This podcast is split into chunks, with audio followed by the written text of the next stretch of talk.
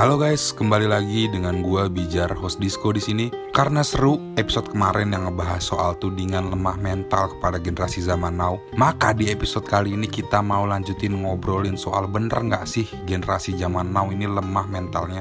Ada Mine dan Nadia yang bakal ngebahas bareng Kak Andi Saputra, psikolog dari Biro Psikologi Fatom lewat live Instagram diskusi psikologi. Check this out. Disko, diskusi psikologi.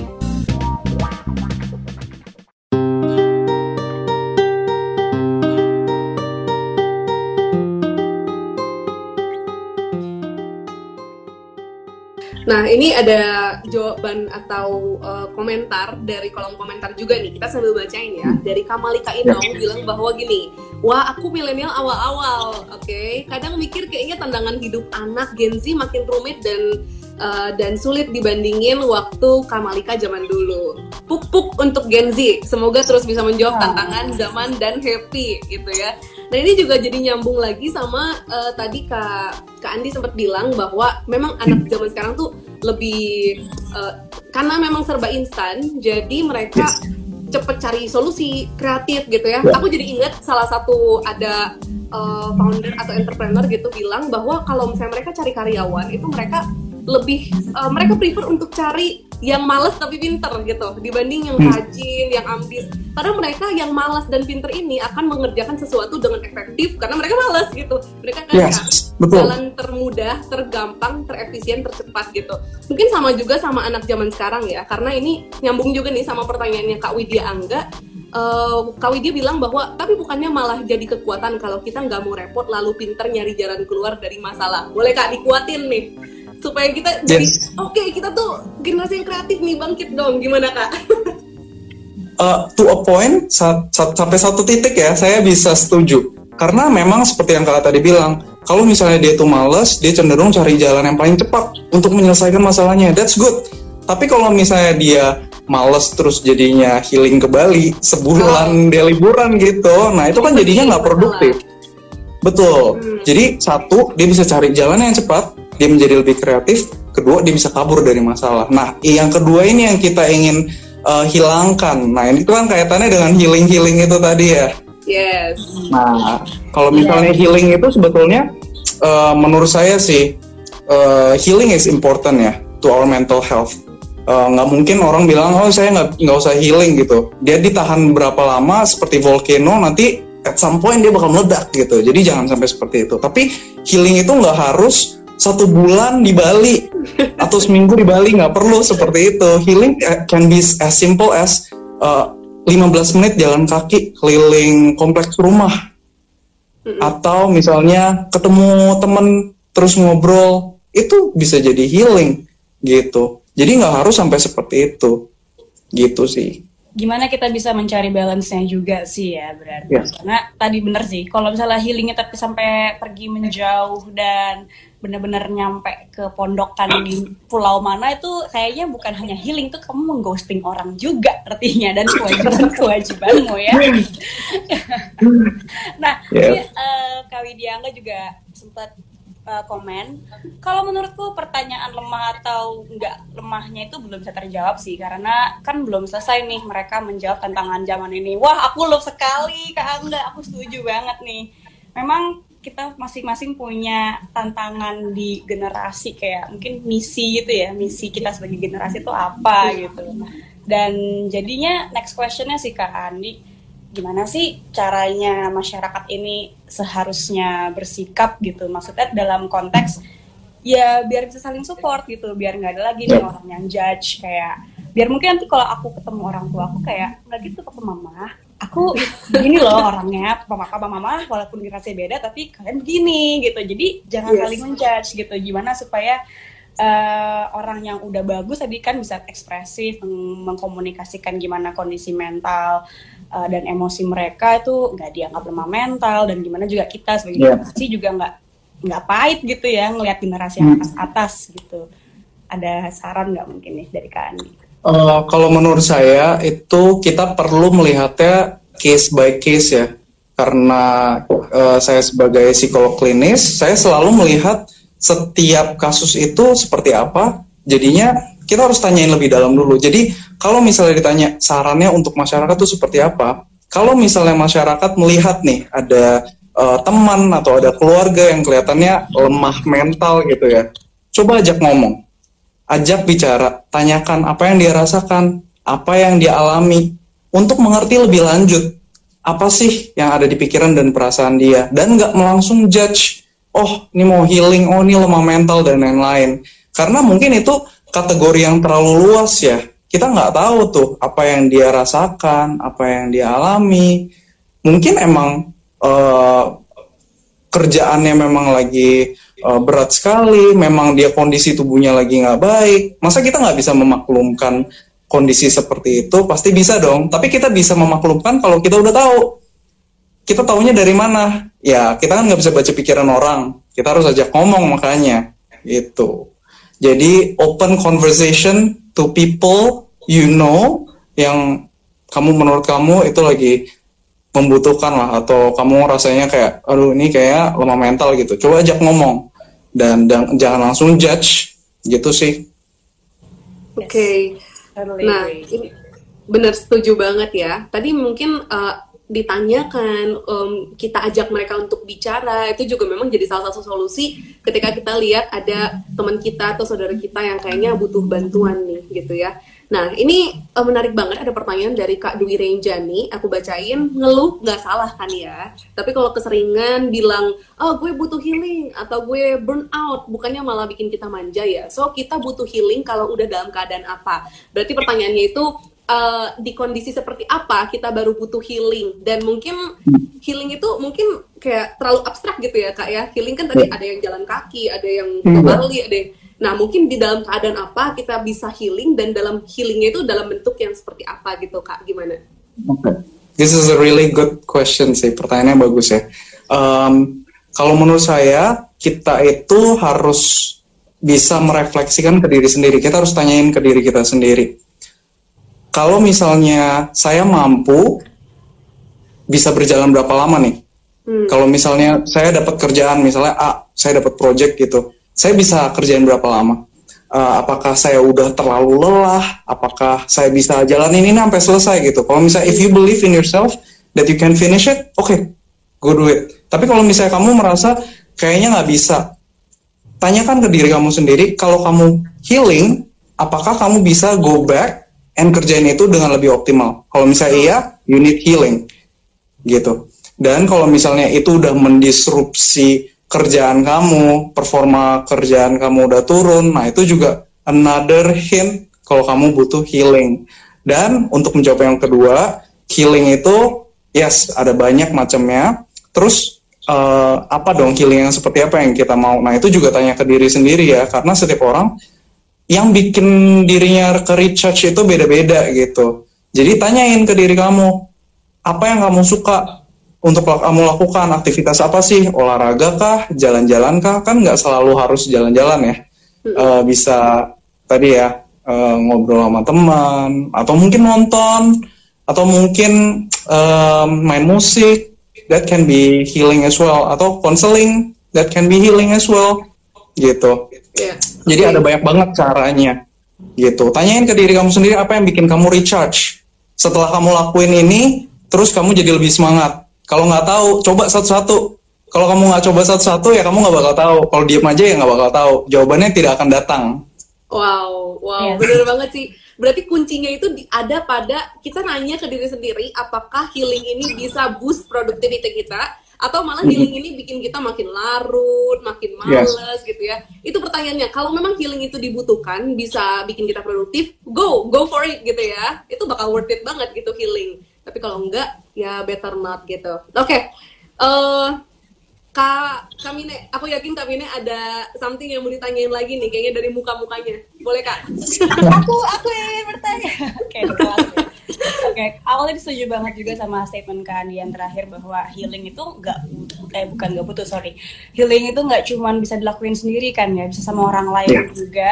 Contohnya kalau ke Bali sendirian pasti pas nggak mungkin sendirian pasti ada orang yang kamu ajak juga kan buat buat, buat foto-foto gitu ya misalnya. Oh. Tapi konseling pun juga part of yes. healing aku setuju banget dan um, apa namanya uh, meningkatnya nih penerimaan isu mental health itu kan juga akhirnya aku sih sekarang juga ngeliatnya especially into the light kemarin sempat mengadakan survei um, gimana uh, orang udah mulai punya help seeking behavior atau uh, perilaku untuk mencari bantuan itu juga sudah meningkat terutama di masa pandemi. Nah, uh, aku juga tahu kan dia adalah perwakilan dari uh, Biro Psikologi Fathom yang merupakan uh, biro untuk konseling, ada aplikasinya juga ada websitenya juga ya teman-teman. Jadi bisa langsung aja di uh, cek Instagramnya, websitenya, aplikasinya buat uh, book consultation. Um, tapi kan di tetap aja nih walaupun udah ada meningkat uh, help seeking behavior ini orang nyari psikolog, orang nyari psikiater dan seterusnya masih ada stigma yang timbul. Dan mungkin itu juga yang masih menghambat orang-orang untuk enggak deh nggak mau deh atau masih punya banyak kebimbangan gitu ya untuk benar-benar help seeking behavior. Gimana sih pandangan Kak Andi terkait hal ini? Dan juga apa ya yang kita bisa lakukan nih mumpung kita kan udah anak zaman now banget nih ya udah punya teman-teman yeah. yang melek isu mental health gimana supaya kita bisa semakin uh, breaking the stigma ini gitu kak hmm. um, I think hal yang paling penting bisa kita lakukan adalah education. Um, seperti kita seperti ini ya, conversation menu, uh, menggunakan live IG, educate the society supaya melihat bahwa kesehatan mental itu setara dengan kesehatan fisik loh. They're the same. Nggak, nggak ada yang lebih penting dari yang satunya. Kalau misalnya kesehatan mentalnya itu terdampak, pasti fisik at some point bakal terdampak juga, bakal terpengaruh juga. Jadi sama-sama penting kalau misalnya kita bisa melihat kesehatan mental itu nggak langsung menjudge orang, melihat itu sebagai aib. Nah, itu akan lebih mudah lagi ya buat uh, masyarakat nggak menstigma lah. Dan uh, itu semua dimulai dari diri sendiri. Kita semua ada role atau peran yang kita bisa mainkan masing-masing dengan cara mengedukasi paling nggak orang di sekitar kita bahwa nggak apa-apa loh kalau misalnya kita butuh ke psikolog dan ke psikolog atau ke psikiater bukan berarti kamu gila bukan berarti kamu ada gangguan enggak yep. nggak harus seperti itu uh, kita nggak cuma mengobati tapi kita bisa mencegah juga gitu loh. Kalau misalnya orang ingin meningkatkan karir dia ingin memotiv meningkatkan motivasi hidup dia bisa kok konsultasi. Kenapa harus tunggu sampai uh, terdampar banget sampai terpuruk sekali baru ke psikolog atau ke psikiater? Nggak harus seperti itu. Jadi uh, kita juga harus mengingatkan ke diri sendiri ya bahwa orang lain pasti ada opininya juga gitu we will never be enough lah to other people ya especially di zaman sosial media di mana kita membandingkan satu sama lain kita harus ingat bahwa what they post might not be the complete truth so yang kita perlu fokuskan adalah diri kita sendiri. Kalau kita membutuhkan ke treatment ke apa tenaga profesional, go for it. Oke, okay. wow, keren banget kak. Seru banget obrolan kita kali ini ya. Saking serunya ini banyak warriors yang nanya gitu ya, mau di komen dan juga di kolom Q&A. Nah mungkin karena karena ada keterbatasan waktu nih, tapi kita juga mau usahain untuk jawab sebanyak-banyaknya pertanyaan dari Warriors gitu ya. Mungkin boleh Kak Andi jawab secara cepet nih ya, Kak ini ada pertanyaan yang okay. menarik banget. Aku lagi soal okay. sosmed nih Kak, karena males lihat yang flexing di sosmed. Tapi malah nggak bagus buat kesehatan mental aku gitu. Nah jadi gimana nih? Ini kayaknya dilema ya. Kalau buka sosmed gitu uh, insecure lihat yang flexing. Tapi off sosmed juga katanya nggak bagus untuk kesehatan mental. Gimana kak? Menurut kakak? Uh, di takar aja. Jadi kalau misalnya sehari kita bisa lihat sosmed satu jam gitu. Hmm. kurangin misalnya 30 menit aja gitu. Dikurangin dari sana. Terus selain itu ketika kita mau lihat kita kita mau lihat sosmed kita ingatkan ke diri sendiri apa yang ditunjukkan orang lain mungkin nggak 100% apa yang sebenarnya. Dia flexing mungkin di belakang flexing itu ada hal-hal buruk yang kita nggak tahu walaupun bukan nyumpahin gitu ya. Yeah. tapi ya itu bisa terjadi. Jadi kita harus ingatkan ke diri sendiri sih. Kadang terlalu terlalu dibutakan sama apa yang kita lihat gitu ya. Kita nggak yes. Lupa kalau sebenarnya ada realitas di belakang itu gitu. Betul. Nah uh, mungkin sebagai closing statement juga nih kak ini dari tadi banyak banget yang tanya kayak kasih tips dong kak supaya uh, generasi kita jadi lebih kuat mental gitu. Boleh kak sekalian closing statement dari kak Andi. Oke, kalau misalnya untuk kuat sendiri, menurut saya itu semua datang dari diri sendiri. Mengekspresikan diri di sosial media itu juga a form of power. Kamu memiliki kekuatan untuk mengekspresikan diri kamu. Namun, kita harus bisa melihat kekuatan ini kamu gunakan untuk apa? Apakah untuk hanya complaining atau kamu mo- termotivasi untuk mencari solusi dari permasalahan yang kamu hadapi. Jadi, kamu semua memiliki tanggung jawab dan peran masing-masing ya. Dan kalau misalnya gimana caranya untuk menguatkan diri, coba tanyain ke diri kamu sendiri. Kamu yang paling mengenal diri kamu sendiri. Tanyain, apa yang kamu butuhkan saat ini untuk menguatkan kamu? Gitu sih. Keren banget. Thank you banget Kandi untuk Thank waktunya you. untuk uh, sharing. Thank you so much. Banyak banget yang aku pengen jadiin kaos baju sih buat jadi quotes gitu. Atau menjadikan eh, mural di belakang truk gitu kan keren juga ya. Oh iya. Banget. harus Bisa, jadi bisa. kita pegangan dan harus kita inget-inget terus nih ya warriors bahwa generasi kita tuh eh, punya plus minusnya dan punya kekuatannya masing-masing gitu setiap generasi. Bukan begitu, Kamine? Yes. Betul, betul sekali. Jadi jangan khawatir eh, dengan apa yang harus kita lakukan. Tujuan kita lahir di sini di dunia ini, cie gitu.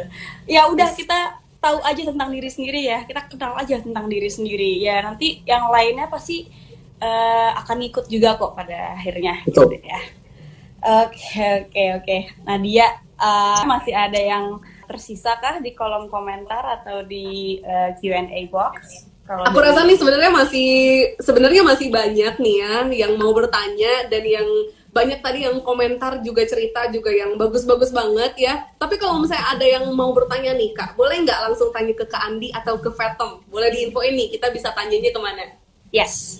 Boleh, boleh tentu boleh ke Fathom atau ke saya. Kalau misalnya ke saya mungkin ada mele- melewati IG aja kali ya, DM Oke. ke akun saya eh, at Andi Saputra psikolog kalau nggak salah. Andi Saputra PSI deh. Andri Andi Saputra PSI. Kalau Instagramnya Fathom kak boleh diinfoin juga nih sekalian.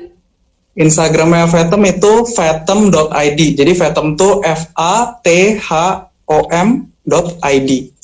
Yes. Oke. Nanti kita bisa bantu tulisin juga di kolom komentar ya. Jadi teman-teman tinggal langsung kopas aja ke IG-nya, langsung Yes. follow, langsung DM, langsung. Tapi kalau mau cerita jangan di eh, jangan panjang-panjang di DM ya kak ya. Mendingan langsung aja ke uh, biro katanya juga gitu, biar lebih panjang bisa berjam-jam sama kak Adi Yes, dan teman-teman lainnya juga.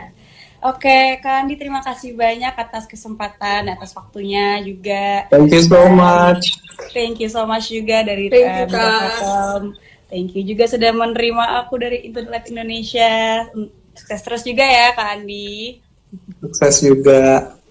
Oke. Oke, nah Mas- thank you juga buat uh, warrior semuanya yang udah join di live hari ini seru banget ya Kak Andi dan Kamine. Tenang aja, nanti kita bakal tayangin episode ini, jadi kalian uh, nggak perlu pusing-pusing. Ah kak di save dong, di save. Tenang, bakal di save gitu ya. Dan tadi juga banyak yang nanya nih. Dan juga uh, sekali lagi thank you banget Kak Andi udah sharing buat yang semua yang udah nonton juga. Uh, melalui live IG ini semoga kita bisa membantu menghapus stigma di masyarakat, lebih peduli terhadap orang-orang di lingkungan sekitar dan tentunya jangan lupa juga untuk menyayangi jiwa sendiri. Nah, Yes. gimana? Kalau menurut kami nih ada sesuatu yang tadi katanya mau dijadiin kaos nih. Nah, boleh satu hal kak, satu hal yang paling menarik dari obrolan Satu kali ini. banget nih, susah atuh. Oh, ya udah, beli kaos berapapun deh, banyak berapapun. desainnya, biar PO-nya banyak. Dari tadi tadi bisnis banget nih ngomonginnya ya. Em, yang pastinya eh, hapus stigma, sayangi jiwa, peduli sesama. Dalam satu quote itu diingat-ingat selalu teman-teman dan juga eh, kamu yang paling paham diri kamu sendiri dan juga eh, yang terakhir mungkin yang paling ngena di hati aku cie gitu. Em, kamu nggak akan pernah tahu kalau emang kamu nggak nyoba. Jadi ya udah coba aja gitu ya, nggak ada salahnya untuk nyoba Yes. gitu. Yes. Oke, Kalau- thank you. Udah mau di closing ya kayak. Tapi beneran deh, aku harus nyampein ini karena aku rasa ini aku harus keluarin karena saking excitednya dapat hal ini hari ini gitu. Aku rasa generasi kita tuh nggak bisa dibilang generasi yang lemah gitu sepenuhnya karena kita juga punya kekuatan, kita kreatif, kita punya banyak problem solving gitu ya, kita bisa bergerak cepat gitu. Tapi mungkin kalau di mata generasi yang lebih senior gitu, kita lebih lemah. It's okay kita kita harus buktiin kalau misalnya memang itu salah atau memang itu kurang tepat gitu kita buktiin dengan karya-karya. Bener nggak Gen Z and Millennials? Bener banget. Setuju banget. Setuju banget. Setuju banget. Oke, kalau gitu jangan lupa follow IG-nya fathom.id dan juga kita sampai di sini dulu live disco hari ini. Dengerin selalu podcast disco uh, di kbrprime.id atau platform per- uh, mendengarkan podcast lainnya kesayangan kamu. Kalau gitu, gue Nadia Gue Mine dan Kak Andi dan juga. Kak Andi juga. Kak Andi. Pamit undur diri. Bye warriors. Bye-bye. Bye. Disko, diskusi psikologi.